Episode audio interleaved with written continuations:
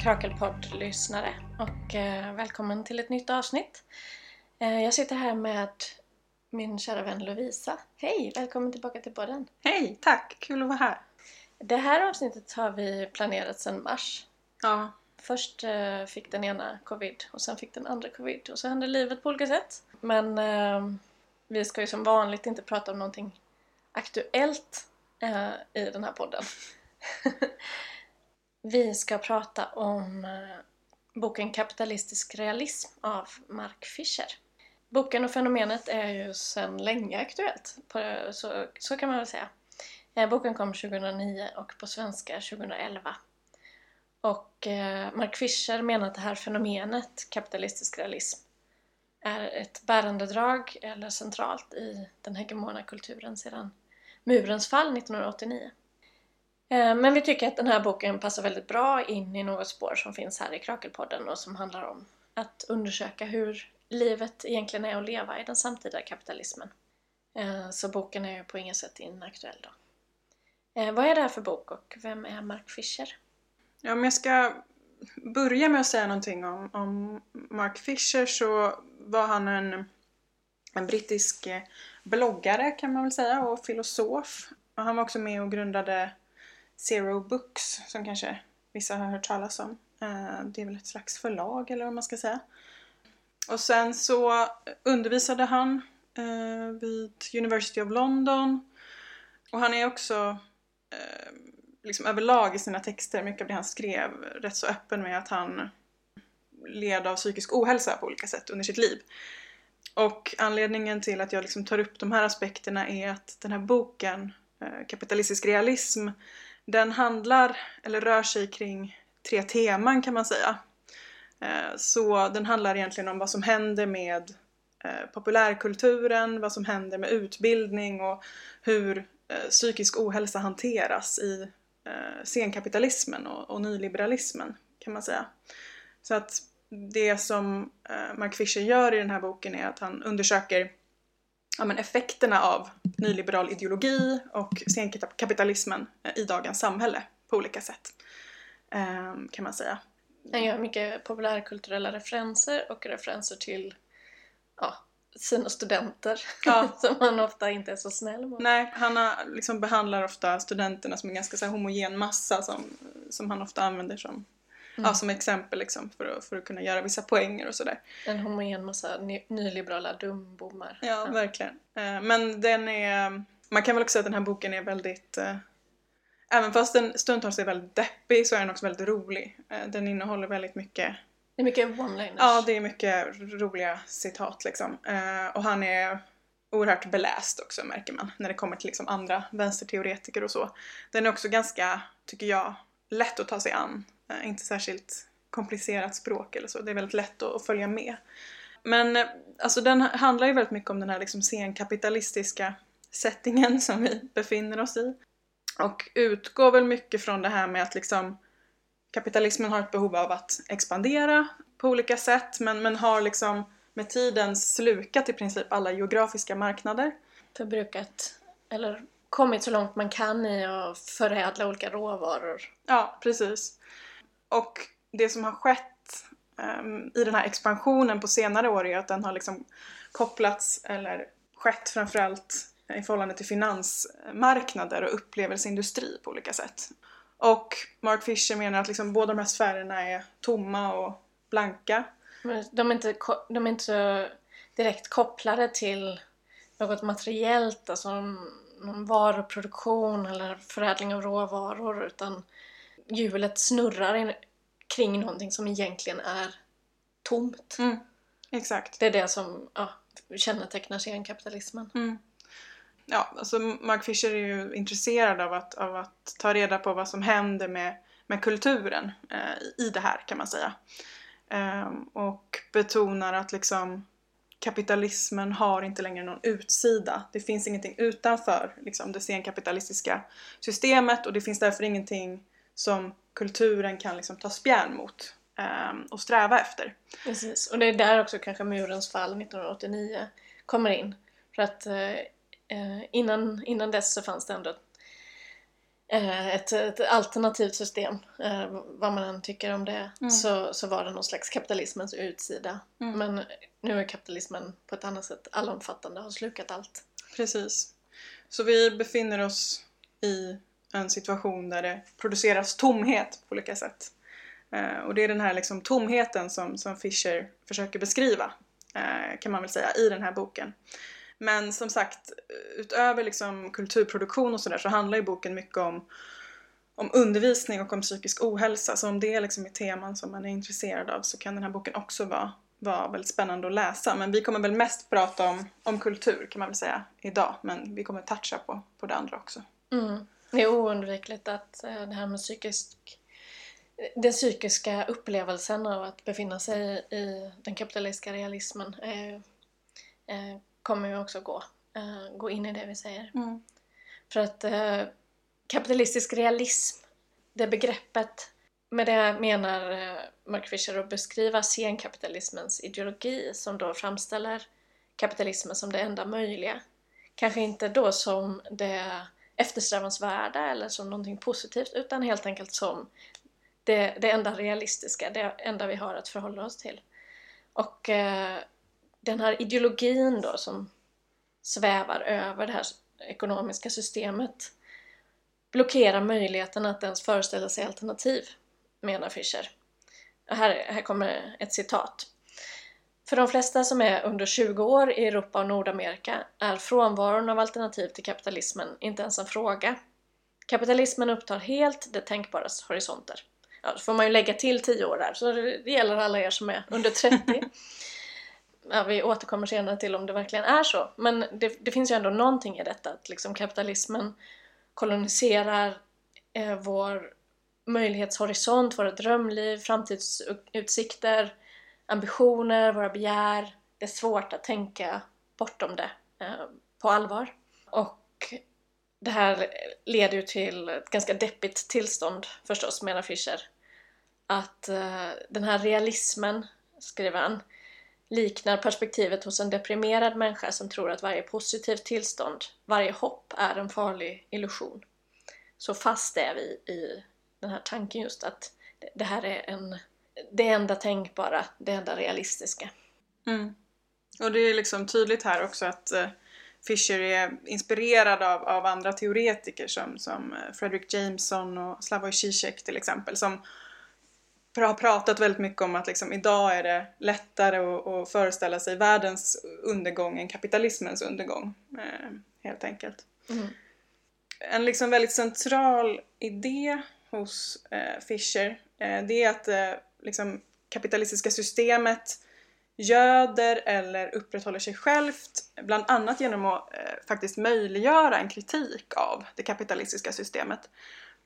Um, och det kanske låter eh, konstigt um, när man hör det liksom först men det som Fischer eh, betonar är att liksom, samtida populärkultur och kulturproduktion innehåller ganska ofta moment som liksom tillåter oss att på olika sätt distansera oss från det kapitalistiska systemet. Um, och i, i den här boken så tar uh, Fischer uh, upp uh, Pixar-filmen Wall-E som exempel. Jag vet inte om du har sett den? Men den, Nej. nej den är... Det känns också som... Det, det, är, det är lite daterat exempel. Ja, det men är ändå- daterat. Men det, den kom ju där någonstans liksom. Den handlar typ om en eh, ensam robot som, som lever eh, i en värld där liksom jorden har utarmats bland annat på grund av att ett storföretag har liksom tagit över alla regeringar eh, och alla tjänster liksom, på jorden. Och människorna lever inte längre på jorden utan de, de lever i någon slags exil liksom bortom jorden och de ägnar all sin tid åt att titta på TV och det gör de typ eh, bensköra och feta ungefär. Eh, Mm. och samtidigt som det här sker så, så är det olika robotar som håller på och städar upp på jorden liksom. Som i princip bara är en stor sophög liksom till följd av hur det har liksom, eller hur den har förvaltats av det här storföretaget typ. Men alltså kort och gott kan man väl säga att den här filmen är ju en slags liksom dystopisk skildring av, av eh, en nära förestående framtid och det, den liksom inbegriper kritik av, av det kapitalistiska systemet kan man säga. Mm. Och Fisher menar ju att den här typen av skildringar Eh, inom populärkulturen är ganska vanliga. Men det de gör är att de skapar interpassivitet. Och det innebär helt enkelt att filmen och den liksom kapitalistiska setting som har, har skapat den presenterar kritiken för oss som konsumenter kan man säga. Um, och som konsument av den här kritiken så får liksom tittaren en känsla av att se igenom det kapitalistiska systemet, man får en känsla av att inte vara del av systemet. Eh, men det här eh, menar Fischer, det är ju en form av liksom passiv, eh, det är en passiv form av kritik kan man säga. Det är inte ett kritiskt ifrågasättande eller motstånd mot systemet i liksom reell bemärkelse egentligen.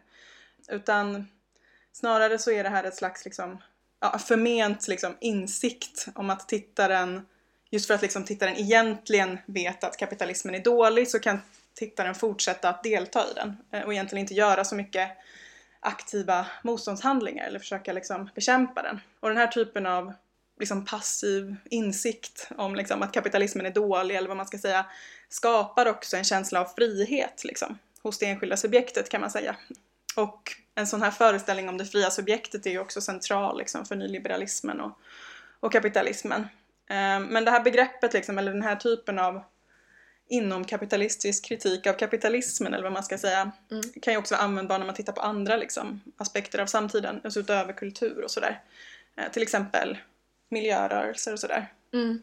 Jag tänker, alltså, eller en poäng här är ju också att den här realismen försöker inte ens framställa kapitalismen som något bra. Det är ingen propaganda för kapitalismen. Och inom ramen för den kapitalistiska realismen så tillåts mycket kritik. Men den här kritiken leder i sig inte till förändring. Och jag tänker på, ja men som du sa, klimatkrisen. Ett exempel här är att eh, de här stora demonstrationerna före pandemin som eh, utlöstes av Greta Thunbergs eh, skolstrejk. Det var ju någonstans tror jag det var en miljon människor som var ute. Det var, var otroligt många människor som var ute i de här gigantiska demonstrationerna. Och eh, alla möjliga går, går ju med i de där demonstrationerna, eh, från höger till vänster. Det blir en slags massspektakel. Alla säger och vet att vi måste stoppa klimatförändringarna. Det är kapitalismen som är problemet, kanske i alla fall en hel del säger. Och då när man gått i det här demonstrationståget så har man ju den här subjektiva upplevelsen av att ha bekämpat klimatkrisen. Och sen kan man liksom vara nöjd och så går man eh, och sätter sig på McDonalds och svalkar sig med en milkshake efter eh, att man då haft en ledig fredag i demonstrationstågets eh, varma gemenskap. Och sen fortsätter man med business as usual. Det är liksom det finns ett självupprätthållande i att kapitalismen tillåter det här. Om man då jämför med innan 1989 och kalla kriget där det var mycket tydligare att kapitalismen, eller att det fanns propaganda för kapitalismen. Mm. Så innefattar den här kapitalistiska realismen inte så mycket propaganda för kapitalismen. I bästa fall ska vi inte ens ska vi tänka på det som luften vi andas. Mm. Inte, inte ens se att vi håller på med det. Men vi, får, vi tillåts också protestera mot det på den här subjektiva upplevelsenivån mm. uh, på ett sätt som inte faktiskt hotar eller förändrar någonting. Han, han skriver också om, om klimatkrisen, just att den är närvarande i den senkapitalistiska kulturen som ett slags simulakrum vars verkliga implikationer för kapitalismen är alltför traumatiska för att kunna assimileras i systemet. Om vi liksom faktiskt lät de här insikterna leda till handling så skulle det behöva störta systemet. Mm. Och det är otillåtet på något sätt. Ja, och varför menar Mark Fisher att det fungerar så här? Jo, det handlar ju om ideologi helt enkelt. Alltså produktion av ett sätt att tänka på världen och varför världen är formad eller ser ut som den gör. Som natur, naturaliserar det, som gör det till eh, någonting självklart eller omöjligt att ifrågasätta den kapitalistiska realismen bygger på att vi inte... Det är inte så att vi på någon slags idéernas marknad har va valt och vrakat bland olika tänkbara ideologiska politiska system och kom fram till att ja men kapitalismen väljer vi, det är det bästa. Utan kapitalismen är ju det ekonomiska system som ja, den historiska kampen mellan olika intressen enligt Marx då har placerat oss i. Och nu måste vi övertygas om att acceptera det, åtminstone som det minst dåliga. Eh, det är svårt för någon idag, om man faktiskt pressar en högerperson att försöka försvara kapitalismen så är det väldigt svårt och de brukar, det brukar sluta med att man retirerar till att jämföra det med kommunismen Mm. som någonting sämre. Det är svårt att ta positiva eh, förklaringsmodeller till det här. Utan, och det är det som är grunden i den här realismen då. Den kapitalistiska realismen innebär också att vi blir vi lever i den här nyliberala föreställningen om att vi har val och att livet går ut på omedelbar begärstillfredsställelse. Och så misstar vi detta för verklig frihet. Samtidigt som vi vet att vi är underställda kapitalets regler, det är ju grundbulten i realismen att vi måste leva enligt dem, så tänker vi på oss själva som fria individer, som fria medborgare. Men på ett sätt som att vi är konsumenter och konsumenter på en politisk marknad till och med. Mm. Och konsekvenserna av det här är ju att det är jävligt tråkigt att behöva leva med något som är kast och behöva tro att det är det enda tänkbara. Det leder till ett deppigt tillstånd helt enkelt. Och den här realismen innebär att det inte möjliggörs trovärdiga alternativ. Så kapitalismen ockuperar hela vårt, vårt politiska omedvetna och det leder till en genomgripande känsla av utmattning, politisk och kulturell sterilitet. Vi ska återkomma till det där med den kulturella steriliteten senare. Så vi blir passiva, vi blir bara konsumenter, betraktare, slutar tro på utopier. Vi resignerar och låter oss underhållas och distraheras tills vi dör. Vi sitter där med iPhonen i handen och scrollar och sen Mm. så är det över. Ungefär den bilden. Vi blir deppiga helt enkelt av att leva i den kapitalistiska realismen. Och så här skriver han då väldigt eh, drabbande. Kapitalet är en abstrakt parasit, en omätbar vampyr och zombieskapare. Men det levande kött den förvandlar till dött arbete är vårt. Och de, de zombies den skapar är vi. Mm. Det är hårda ord. Men alltså, som vi sa innan också så Fischer är ju väldigt intresserad av vad det här gör med unga människor. Liksom. Det är den yngre generationen som är, är fokus ganska mycket för, för, för den här boken. Och det har väl antagligen också att göra med att han undervisade vid universitetet och, och hade mycket kontakt med studenter. Och han, som vi sa också innan, så gillar han att prata om det här studentkollektivet väldigt mycket. Och om sina erfarenheter från undervisning och sådär.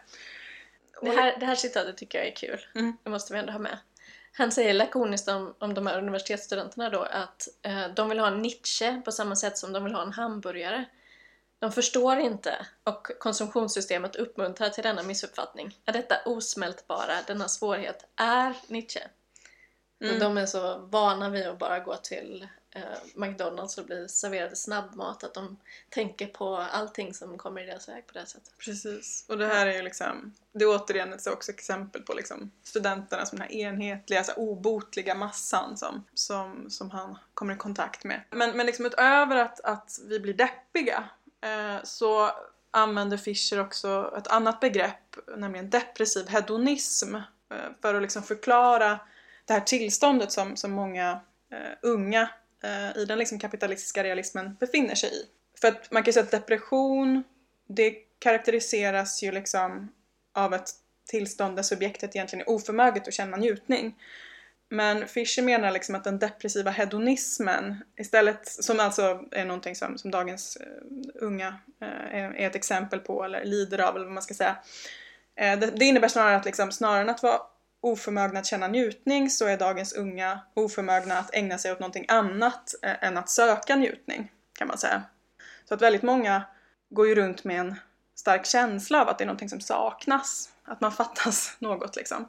Men man saknar liksom insikt om att den här känslan av att det är något som saknas inte kan försvinna bara genom att försöka fortsätta med det här sökandet på njutning. Liksom. Så den här liksom jakten, eh, som ju är en så här ständig distraktion egentligen, leder till att vi liksom blir allt sämre på att egentligen hantera verkliga känslor och, och se saker eh, klarare på olika sätt. Vi är helt enkelt besatta vid att bli tillfredsställda på kort sikt på olika sätt. Mm. Mm. Ständigt går, går runt i någon slags ständigt distraherat tillstånd som vi har eh, pratat om när vi pratat om den digitala kapitalismen.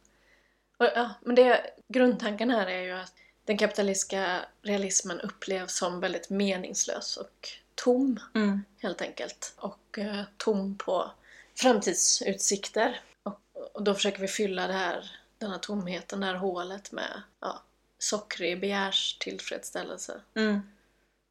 Man kan ju också säga att liksom, Fischer pratar en del om att eh, en anledning till att liksom, depressiv hedonism är så utbredd liksom, idag det är att många unga befinner sig i en ganska tvetydig strukturell position eller vad man ska säga. Där äldre sätt att styra eh, subjekten i, i samhället har liksom mergat eller kombinerats med nyare sätt att styra subjektet. Så att han menar att liksom studenter som läser vid ett universitet till exempel, de är dels styrda av äldre disciplinära institutioner, liksom skolan är ju ett, ett tydligt exempel på det. Eh, så de finns där å ena sidan. Å andra sidan så innebär det här nya liksom, kontrollsamhället som vi befinner oss i att liksom, kontroll och disciplin är också mer inbäddad i företeelser som företag och, och konsumtion och så vidare. Så att han är också ganska inspirerad av liksom, Deleuze och, som skriver mycket om, eh, om de här olika kontrollmekanismerna och sättet att styra oss på. Och att det är liksom arven från de här äldre sätten och de här mer samtida sätten att styra subjekten som, som också skapar den här känslan hos individen och då framförallt hos hans studenter då. Att man är fri enbart som konsument. I alla Mm. andra delar av livet är man övervakad och kontrollerad på olika sätt. Precis. Som vi nämnde innan så är det också en, en populärkulturell spaning han håller på med och som han också ägnar sig en hel del åt på sin blogg. Eller ägnade sig. Och eh, grunden i det han, han har att säga om kulturen är att eh, den kapitalistiska realismen skapar en brist på, på nya och överraskande kulturella fenomen. Eftersom det inte finns några möjlighetshorisonter och vi inte kan tänka oss framtiden så begränsar det också hur vi kan producera kultur. Eh, Och därför består kulturen i allt högre grad av, eh, ja, som han beskriver det, upprepningar, pastischer, revivals, covers. Alltså upphängdhet vid det som har varit. Att det kommer inga nya kulturella uttryck utan de är bara eh, i, i bästa fall en slags mashup på tidigare. Och han är inte ensam heller om den här spaningen. Jag tänker på eh, en bok som kom 2010, Retromania av eh, Simon Reynolds som också Mm. driver den tesen. Om man tittar på mode, allt mode är retromode och det är som att det bara går varv på varv. Jag har tagit 50-tal, 60-tal, 70-tal, 80-tal, 90-tal. Sen är vi tillbaka igen på kanske 50-talet eller på 70-talet Mm. eller så blir det en mashup av det. Men, eh, men man kan hela tiden identifiera vilken tidigare epok det som vi just nu härmar. Om man tittar på filmer som görs så är många sequels på tidigare filmer eller remakes till och med. Och, det behöver ju inte heller vara särskilt gamla filmer. Liksom. Det, kan Nej. ju vara, det behöver inte vara filmer från 60-70-talet utan det kan ju verkligen vara filmer från så tidigt 2000-tal eller bara 10 år gamla filmer som man plötsligt ska göra en, en ny version av. Liksom. ja, precis. Mm. Eh, Just nu så är många hits som går på radion är ju covers på Veronica Maggios 10 år gamla skiva som i sin tur är, doftar väldigt mycket 80 alltså Mm. eh, det bara går runt liksom. Ehm, och om man tänker på populära tv-program eh, så är det talande med eh, Så mycket bättre till exempel där artister från förr gör andra artister från förrs låtar på halvnya sätt. Eh, Jag tänker på Mästarnas mästare, där mästare från förr försöker besegra andra mästare från förr. Och på något vis är det mer betryggande att titta på det än att titta efter framtidens mästare. Och på något vis, jag, jag tänker den här upphängdheten som i den svenska kulturen på sommaren 94 och alltså som någon slags peak Sverige och på något vis var det som att det stannade då. Och, och, det här liksom, alla älskar fortfarande när vi gräver guld i USA. Och det stämmer ju rätt väl tidsmässigt med liksom, den kapitalistiska realismens intåg då efter den svenska finanskrisen 90-94 och som innebar början på den långsamma döden för välfärdsstatsprojektet som vi liksom fortfarande sörjer och är nostalgiska över. Jag tänker att, att det, det är lätt att se att det här går igen i mycket. Att musik jag lyssnar på idag är, låter som musik som jag älskade för 20 år sedan. Och jag gjorde också, jag lyssnade igenom Digilistan som någon slags research. Nice. Och det, ja, där är ganska många som är covers helt Mm. enkelt. Eh, eller som, som låter som att det skulle vara en cover. Man, man söker så här, ja vilken Duran Duran-låt är det här eh, Weekend-låten Mm. en cover på? Nej, nej, han har gjort den nu. Det bara låter som då. Och jag tyckte det var lite roligt med den här eh, New covern på Björn och Benny-låten Du måste finnas. Som ursprungligen är från 95 och musikalen Kristina från Duvemåla. Och den handlar ju ursprungligen om, alltså musikalen handlar ju om en tid när vi gick in i moderniteten och den här sången handlar ju om Kristinas förtvivlan när hon känner att liksom den kristna guden sviker henne. Alltså det är den kristna gudens död då, för att parafrasera Nietzsche. Och eh, i New Kids version så jag vet inte om det ska vara någon slags desperat kärlekslåt, men jag kunde ju bara höra den förstås genom Mark Fisher. Och då är det liksom, då är det ju mammon som, som, vi sörjer nu. Mm. Som, du måste finnas mammon. Mm. För det, jag lever mitt liv genom dig. Det är dig jag har kommit att behöva tro på. Och nu sviker du mig. Man- Vi har liksom invaggats i att kapitalismen ska ta hand om oss, ge oss kraft och tröst och glädje livet ut. Eller det är det enda. Det är det enda som finns och det är Mm. det vi måste hoppas på. Men i den kapitalistiska realismen så kan vi inte ens tro på det som ett gott system. Vi lever i någonting som vi är tvingade att leva i utan att ens kunna tro på eller se upp till eller älska. Och det tycker jag är, men det är kanske den ultimata sammanfattningen av vad, vad Mark Fisher försöker säga. Mm. Det blir bara tomhet och förtvivlan Mm. kvar. Du måste finnas mamma. Nej men det är bra, det är en bra spaning. Och jag, liksom, det är väl en stor, precis som du alltså jag tycker det är en stor, liksom, en av de stora behållningarna med att läsa Fischer också att man sätter verkligen på sig de här Fischer-glasögonen när man håller på att läsa den här boken och man hittar ju exempel på det här överallt liksom. Eh, på samma sätt som att man hittar sån här eh, inom kapitalistisk liksom, kritik av kapitalismen i olika kulturyttringar liksom. Att det, eh, det är väldigt tacksamt på det sättet att läsa den här boken. Eh, att eh, man ges ganska bra verktyg att, att spana efter såna här små tecken eller vad man ska säga. Mm. Men vad, varför blir det så här med kulturen och vad, vad, vad är det som är, vad menar Fischer att det är för mekanismer som driver det här? Mm. Alltså, han är ju inne på att det finns liksom en, en bristande trygghet liksom, i, eh, i systemet i stort som vi befinner oss i. Eh, alltså arbetsmarknaden är osäker, bostadsmarknaden är osäker, eh, alla sociala relationer är i konstant gungning. Vi befinner oss i liksom ett, en väldigt osäker position, många av oss, och kanske särskilt då eh, unga människor. Och eftersom att det finns sån här, en sån här stor instabilitet, en sån här stor osäkerhet som, som präglar vår samtid så är det kanske inte helt förvånande att vi har ett behov eller har ett begär efter, vad ska man säga, igenkänning eller, eller kulturella former och eh, yttringar som, som återkommer helt enkelt och som vi kan känna oss trygga med, som vi känner igen sedan tidigare. Um, och med tanke på att vi liksom befinner oss i eh, en position av liksom risktagande och osäkerhet på alla andra fronter så, så blir det här en slags trygg hamn där vi liksom känner igen mönstren och vi vet vad vi har att förvänta oss. Och, eh, vi känner kanske inte heller något behov av att liksom vara risktagande just när det kommer till kulturyttringar utan det får vara någon slags motpol till all den här andra otryggheten. Mm. Men vi behandlar också det här, det gamla, nostalgin på det samtida vulgära sättet. Han menar att allt som var sakralt en gång, det blir nu i remakesen blir kitsch och slit och släng. Och att föregående kulturers väldigt betydelsebärande objekt nu bara blir kulturella artefakter som Mm. liksom tunnas ut av köp och säljmöjligheten. Eh, Och han tar exemplet eh, med Picassos Guernica som ju målar som ja, ett skri av ångest och indignation över fascismens förbrytelser. Idag är det en väggprydnad. Och den har ju på, på riktigt tryckts upp i massexemplar av IKEA som en slags underbar Mm. ironisk twist. Eh, därför att kapitalismen kan tilldela allting ett pengavärde som vare sig det är religiös ikonografi eller pornografi eller själva Das Kapital. Allting kan omvandlas till den här uttunnade, meningslösa köp och säljfunktionen. Och det som återstår då blir någon slags infantil och konformistisk kultur som inte producerar något märkligt eller oväntat eller besynnerligt.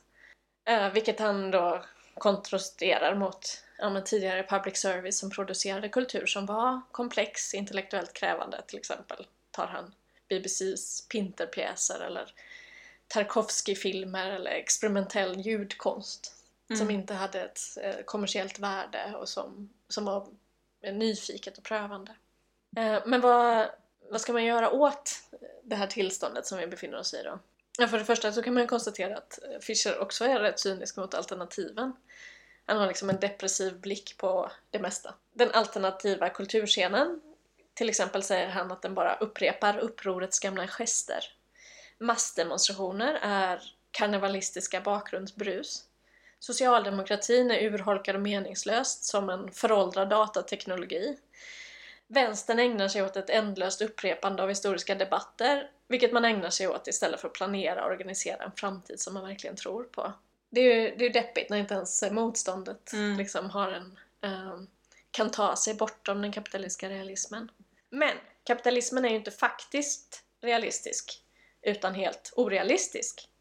Och det är ju klimatkatastrofen ett övertydligt exempel på. Det finns ingen rimlighet i det här systemet om man tänker sig att mänskligheten ska fortsätta att existera, eller något sånt mål som de flesta kan hålla med om. Mm. Så vad ska man göra då, menar Fischer? Varifrån ska den verkliga utmaningen komma? Och eh, här är den ju ärligt talat lite tunnare. Mm. Och det är inte det som är, som är fokus i, i den här boken direkt. Men han skriver bland annat att vi måste börja med att godta att vi på begärets nivå är nedkörda i kapitalets skoningslösa köttkvarn. Slutcitat. Alltså vi måste medvetandegöra oss och politisera det här måendet så att vi kanaliserar det utåt och riktar det mot sin verkliga orsak, kapitalismen. Och så måste vi ställa upp en rival till kapitalismen utan nostalgi. En utopi helt enkelt. Men sen blir han ändå ganska nostalgisk och drömmer om ja, forna tiders BBC. Han, han fantiserar om någon slags marxistisk supernanny som ska ransonera varor och resurser och tvinga oss i askes. Vilket då ska upp, återuppliva våra verkliga begär. Det är hans drömhorisont. Mm. Eh, ja, han är inte så upplyftande och så här slutar den boken. Den långa mörka natten vid historiens slut måste uppfattas som en enorm möjlighet. I en situation där ingenting kan hända blir allt plötsligt möjligt igen. Så det är där vi befinner oss eh, när den här essän är över. Att eh, ingenting kan hända och det är enda möjligheten för oss att ta oss framåt. Mm. Ska vi lämna lyssnarna där? Eller har- Ja, det känns ju någon- motigt alltså. Det är ju det är en väldigt mörkt, mörk slutsats liksom och jag tänker att, alltså, jag vet att vi har pratat om det förut, en sak som är lite svår att bortse från när man läser den här boken tycker jag, Mm. det är ju att det är en riktigt deppig person som har, har skrivit den helt enkelt. Och det är ju någonting som Fischer som sagt också var väldigt öppen med på sin blogg bland annat och sådär. Och det kanske, man kanske också kan säga det att, att Fischer tog ju faktiskt livet av sig några år efter att den här boken skrevs. Mm. Ehm, och jag vet i och för sig inte hur han mådde liksom, just när han satt och skrev de här sidorna liksom. Men ibland när man läser den här boken, alltså vissa stycken är ju så mörka att det är svårt att veta om det är en liksom, kritik av kapitalismen som bedrivs eller om det bara är en så här svårt deprimerad person eh, som har ångest och skriver av sig. Liksom. Är det depressionen som talar eller är det, är det kritik? Eh, kanske är det väl rimligt att tänka att det många gånger är en kombination av, av båda två. Liksom. Mm. Men eh, det är ju någonting som man tänker en del på, tycker jag. Eh, ändå när man, när man läser den här boken. Jag vet inte vad du, Mm. vad du tänker. Jo, jag, jag tänker på när vi pratade om att göra mer trösterika läsningar i eh, avsnittet om eh, Eva Ilos paranoia. Mm. Att eh, även om allt detta eh, som han beskriver är riktigt, vilket också är eh, svårt att helt se bortom, så är det kanske inte det enda sättet att betrakta världen på. Mm. Jag tänker också att en, en kritik som man kan ha är att det Fischer gör är att måla upp någon slags grand theory. En allomfattande berättelse. Alltså den kapitalistiska realismen är allomfattande. Inte ens Mm. våra motståndsförsök eller antikapitalism kan ta sig bortom det. Mm. Och det har vi ju lärt oss att den allomfattande berättelsen är är ju problematisk. Det är klart att eh, det alltid finns andra berättelser parallellt, Ja. eh, andra upplevelser. Så att ja, den kapitalistiska realismen är väldigt allomfattande om man ser på populärkulturen så är det tydligt att det finns ett genomslag av det här systemet. Men det finns ju också annat. Mm. Och det kan man väl säga också att det är en ganska vanlig kritik eller invändning mot Fischer att, att han är fast i någon slags essentialistisk fälla liksom, där det är just kapitalismen som är förklaringen eller liksom grunden till, till allt ont liksom, som han skönjer i denna värld och så, sådär liksom. Och vad ska man säga, boken innehåller ju inte jättemycket motiveringar egentligen kring på vilka sätt som kulturella inlåsningstendenser till exempel är specifika för senkapitalismen. Är inte det något sånt som har förekommit i andra historiska settings kan man ju till exempel fråga sig som, som läsare. Det är ju ingenting som Fischer liksom fördjupar men det är ändå någonting som man börjar tänka på tänker jag. Så här, på vilket sätt skiljer sig det här från konstideal under renässansen eller inte vet jag, så här, hembygds uh, gårdsmys på, vid förra sekelskiftet. Liksom. Alltså, jag tror att det finns vissa skillnader här men det är ingenting som, som diskuteras så mycket i boken. Liksom. Ehm, det är inte det som är, är Fischers fokus. Liksom. Och man kan väl säga att hela boken, det är någonting som jag varit inne på också, den präglas ju av en väldigt så här, tydlig vänstermelankoli eh, som är ett begrepp som, som först myntades av eh, Walter Benjamin. Alltså det vill säga att liksom kritiker av det kapitalistiska systemet och även aktivister som liksom arbetar aktivt mot kapitalismen på något sätt är så fästa vid en specifik politisk analys, vid ett specifikt politiskt ideal, till och med liksom fästa vid att liksom poängtera hur det här idealet har misslyckats på något sätt.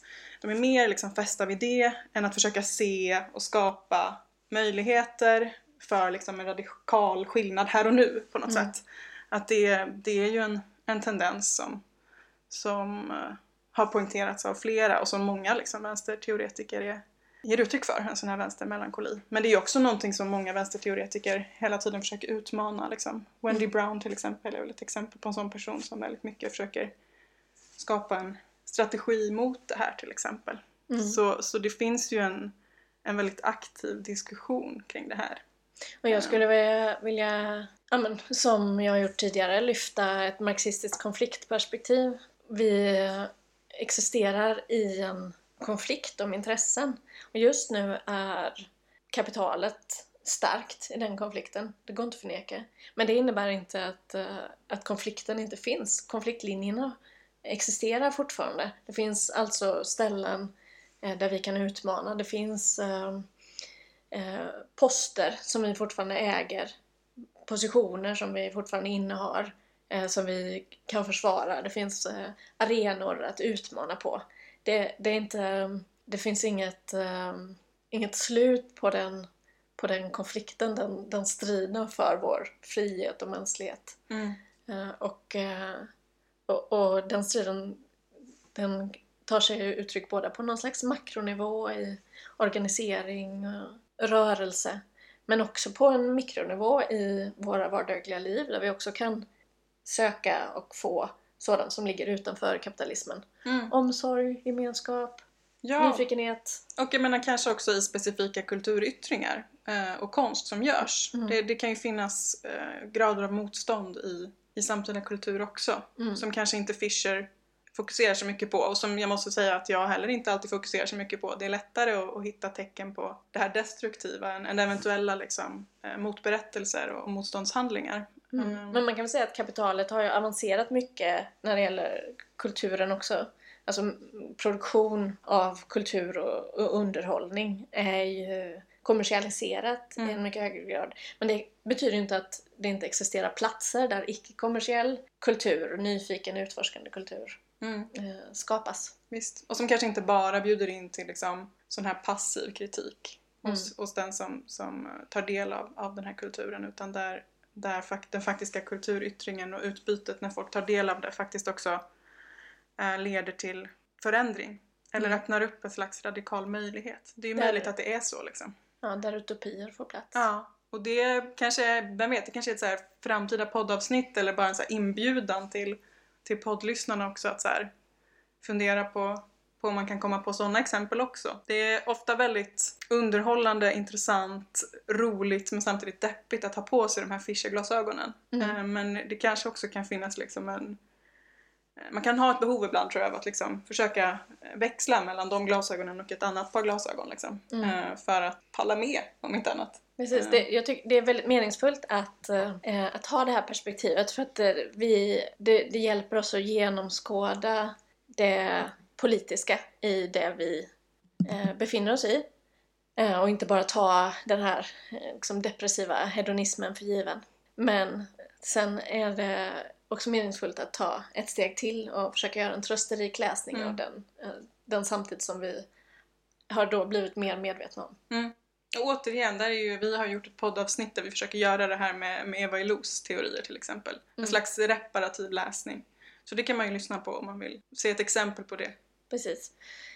Mm. Men eh, ni är jätteinbjudna att eh, komma med, med motexempel eh, och eh, vi hoppas att vi helt enkelt inte har, har gjort er för deppiga med, med eh, denna inblick i Mark Fischers kapitalistisk realism. Tack Lovisa! Tack Miriam, Vad kul det var och eh, tack för att ni lyssnade. Puss och kram! hejdå!